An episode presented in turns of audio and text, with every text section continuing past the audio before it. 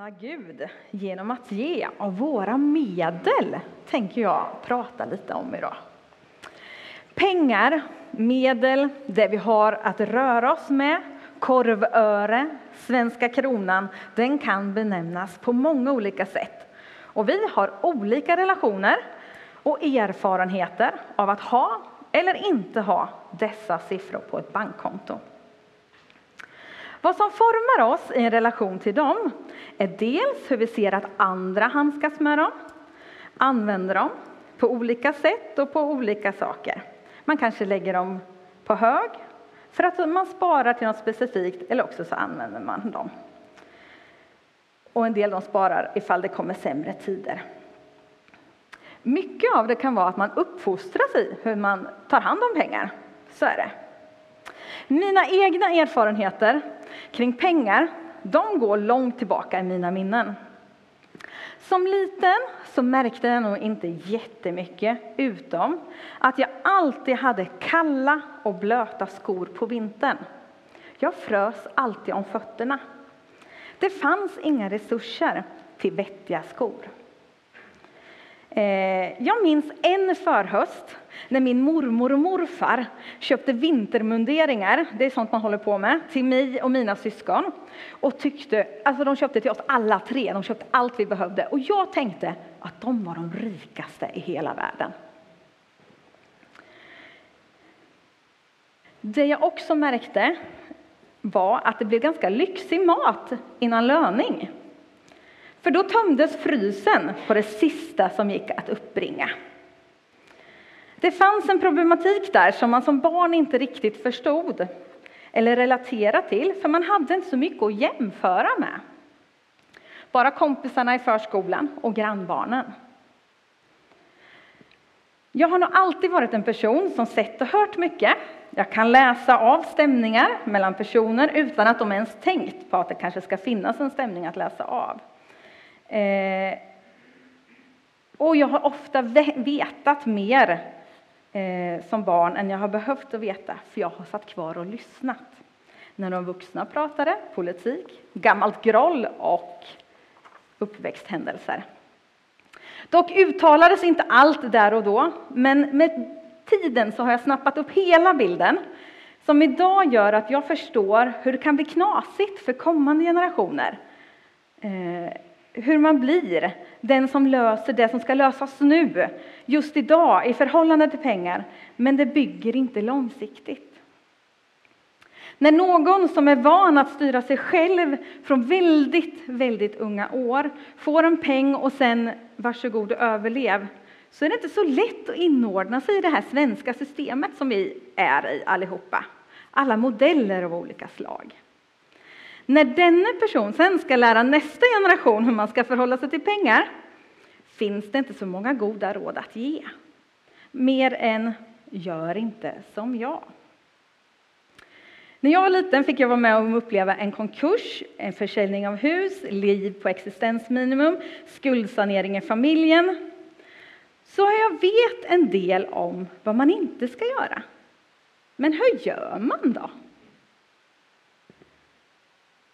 Jag försökte hitta andra föredömen, lyssna noga när det var ekonomi på tapeten i skolan. Eh, även om jag inte är någon nationalekonom för det. det. Det lovar jag att det har jag inte blivit. Men jag har ändå sett att samband och verkan är ändå något som blir väldigt tydligt för mig. Gör man så, så blir resultatet det. Och det här kan nog göra mig lite kalkylerande ibland. Jag behöver se hela bilden eh, innan jag rusar in i något. Även om jag vill vara spontan ibland. Men inte sånt som påverkar många lång tid framöver. Ska man bygga något så ska det byggas hållbart och fungerande över tid med tillräckliga resurser. Eh, samtidigt som jag också kan längta efter att ha överkapacitet på resurssidan så att alla galna idéer kan bli verklighet. Men nu då, nog talat om vilka ekonomiska preferensramar jag har. Jättekrångligt ord, eller hur? Eh, men det är ändå vilka erfarenheter jag har av ekonomi och inte ekonomi. Nu ska vi gå in och se vad Gud tycker man borde göra, för det är ändå han som är mitt föredöme idag. Och jag hoppas att du kanske kan få någon ny infallsvinkel idag. Eh, ett sätt att ge av sin, eh, sina resurser är sedan gammalt att ge tionde. Det finns det något som heter. Det känner många igen att det är ett, eh, ett sätt att ge. Och det är en princip som tillämpades ända sedan jättetidigt i Gamla testamentet. Och I Malaki så står det i 3 och 10 så här att man ska gå med sitt tionde till förrådshuset. Där ska man lämna tiondet. Och på den tiden så var det ett sätt att få, få del av Guds välsignelse att ge sitt tionde. Och man gav på lite olika sätt. Det allmänna tiondet, eh, det var på allt man producerade, allt man skördade i landet. Det kunde varit vete eller vin, ja, vinbär, ja, allt liksom som man skördade av. Av allt man skördade så skulle man ge en tionde och gå med det till förrådshuset. Eh, och där var det leviterna som var de som förvarade tiondet. De tog hand om det. Eh, men på det tiondet som de fick så betalade de tionde till prästerna, så de behöll inte allt själva där.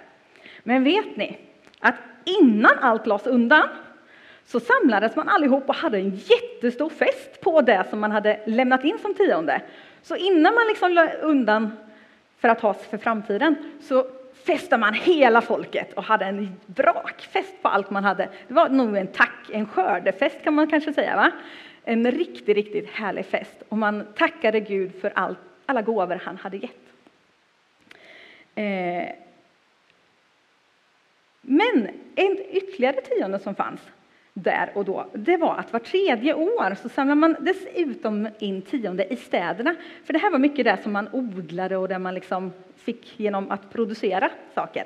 Men man samlade också in i tionde och det var i form av pengar med då. Och det lagrades också av leviterna.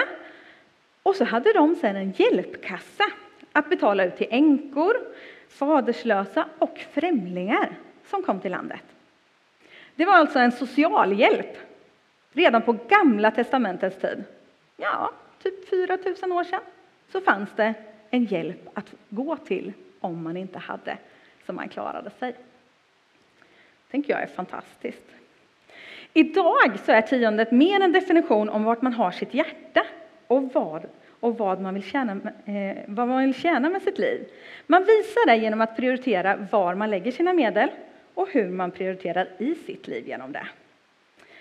Eh, om man funderar över hur mycket man ska ge så gör man klokt i att titta på mottagaren och dens behov och låta det styra hur man ger. Men inte tala vitt och brett om det och sen låta Gud vara den som ser i det fördolda och belöna. Men det är tiondet. Men det finns fler sätt att använda sina medel. Det finns något som heter skatt. Det var ju nästan det man betalade här när man eh, gav till leviterna och de la undan för att hjälpa till. Och det är så vi gör.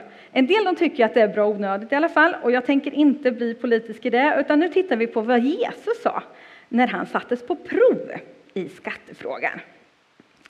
Eh, han svarade i Matteus så här, 22 och 21. Ge då kejsaren det som tillhör kejsaren och Gud det som tillhör Gud. Här är Jesus ett föredöme för oss. Han betalar den skatt som krävs och vid de tillfällena vi ser att det ska utföras. Vid ett tillfälle så är det tempelskatt som ska betalas och då ska man betala två denarer. Och han betalar två denarer för sig och han betalar två denarer för sin lärjunge. Men det var ett litet annorlunda sätt de fick tag på de där två denarerna. De lyckades faktiskt, ja, Jesus bad om ett under och sen så hittade de en silverpeng i en fiskbuk och betalade skatten. Jag tänkte att Gud gjorde ekonomiska under redan på Jesu tid, åt Jesus. Men det berodde nog på att Gud ville att Jesus skulle sköta sig och eh, eh, ja, var, ja, eh, följa de lagar som fanns där och då. För att han skulle leva ett helt rent liv utan synd. För hur ska han annars kunna göra det fulla offret på långfredagen för dig och mig? om man inte levde enligt de lagar och regler som fanns på hans tid. Och det gäller ju också oss, att vi ska leva under de lagar och regler som finns runt omkring oss. Ge kejsaren det som kejsaren tillhör. Men så stod det ju också en andra del i det bibelordet, eller hur? Ge Gud det som tillhör honom. Det kan vara tiondet Jesus menar här. Eh, han levde ju ändå under den, de judiska lagarna och traditionerna. Han var van vid att det var tiondet som man skulle ge till, till Guds ära. Men här kan man också fundera lite filosofiskt, tänker jag. Eh, att är det inte så att allt från början tillhör Gud? Att vi faktiskt får förtroendet av honom att ha pengar, saker, bostäder och mycket annat. Vi kanske behöver öva upp vårt sätt att visa tacksamhet över allt vi har fått och ge vidare till det vi tror Gud manar oss till mer och mycket oftare. Eh, och hur ger vi när vi ger? Jesus han sätter sig en dag i templet och så på när andra offrar. Det brukar inte vi göra, liksom att någon tittar. Liksom. Men där hade man en liten offerlåda och där gav man sina offer. Och där satte sig Jesus en dag. Då ska jag läsa ur Markus evangeliet här, 12 och 41. Han satte sig mitt för tempelkistan och såg hur folk lade ner pengar i den. Många rika gav mycket. Och så kom där en fattig änka och lade ner två kopparslantar, alltså några ören. Då kallade han till sig sina lärjungar och sade Sannerligen, den där fattiga änkan har lagt mer i tempelkistan än alla de andra. De gav alla av sitt överflöd, men hon gav i sin fattigdom allt hon ägde, allt hon hade att leva på. Och I bibeltexten här får vi ett exempel på vad Jesus vill berätta för oss. Att vi behöver ge helhjärtat när vi offrar. Det vi ger, det ser Gud och han hjälper oss att släppa taget om vår tanke om att pengar är det viktigaste.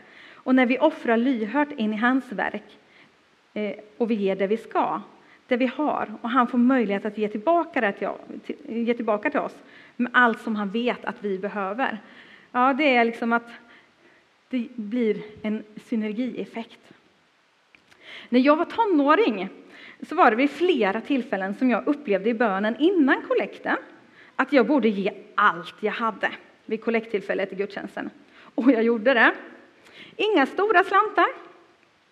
Men det var verkligen allt. Till nästa fredag då veckopengen kom. Det är så man lever en viss tid i sitt liv. Och då var det som att Gud ville visa mig att han bryr sig om just mig och stärka min tro. För på vägen hem från gudstjänsten då så var det vid alla de tillfällena en liten tant som stack till mig tio gånger mer än jag offrade. Och det jag tänkte då var att åh, vad välsignad jag är! Och vad välsignad jag blev. Eh, men det jag tänker på nu, det är ju faktiskt att på hur lyhörd hon var för Guds tilltal, att hon lydde honom genom att ge mig den där slanten. Och det blev helt klart en välsignelse i båda ändar. Alltså tänk vad Gud är stor. Större än vad vi många gånger tror. Finns det fler sätt att ge, sina, vid, eh, ge vidare av sina medel? Tionde, skatt, gåvor. Ja, det finns ju arv också. Eller hur? Det är en annan typ av givande. En dag kommer jag och alla vi, det är rättvist, att ta vårt sista andetag. Och då då har vi lämnat efter oss det vi har lämnat efter oss. Och ingenting av det kan vi ta med oss. Nej, ingenting. Eh, det vi har kvar, det fördelas mellan de som är våra arvtagare. En del de gör testamenten för att de vill, visa, eh, för att de vill att vissa saker går till vidare till någon specifik person eller kanske till något särskilt ändamål. Andra låter bli och hoppas att det ska gå bra ändå, att alla är vänner efter arvsskiftet. Eh, lite så. I Ordspråksboken så står det att den gode lämnar arv åt barn och barnbarn. Eh, och det är ju det man hoppas med det man har och lyckas förvalta med, att det ska kunna gå vidare och bli till välsignelse. Men vill man vara med och påverka så kan man ju som sagt liksom verkligen vara specifik. Allting måste ju inte bara gå till barn och barnbarn. Det kan ju gå till något särskilt ändamål som man brinner för eller brunnit för i hela ens liv. Och det är inte så konstigt tror jag, tycker nog inte barn och barnbarn heller. Om det skulle vara så att man har något ändamål de vet att man har brunnit för hela sitt liv, att man låter en del gå dit. Det tror jag är helt naturligt. Ytterligare ett arv att nämna är ju att Jesus lämnar en arvsrätt åt oss alla som tror på honom och oss som han kallar Guds barn. Hittills har det handlat om vad vi kan ge vidare för medel här på jorden. Men vi, har ju faktiskt, men vi blir ju faktiskt uppmuntrade att samla skatter på annat håll också, nämligen i himmelen. Samla skatter i himmelen. Det handlar om pengar, det handlar om medel, men det handlar också om hjärtats inställning och om vad vi faktiskt samlar våra skatter.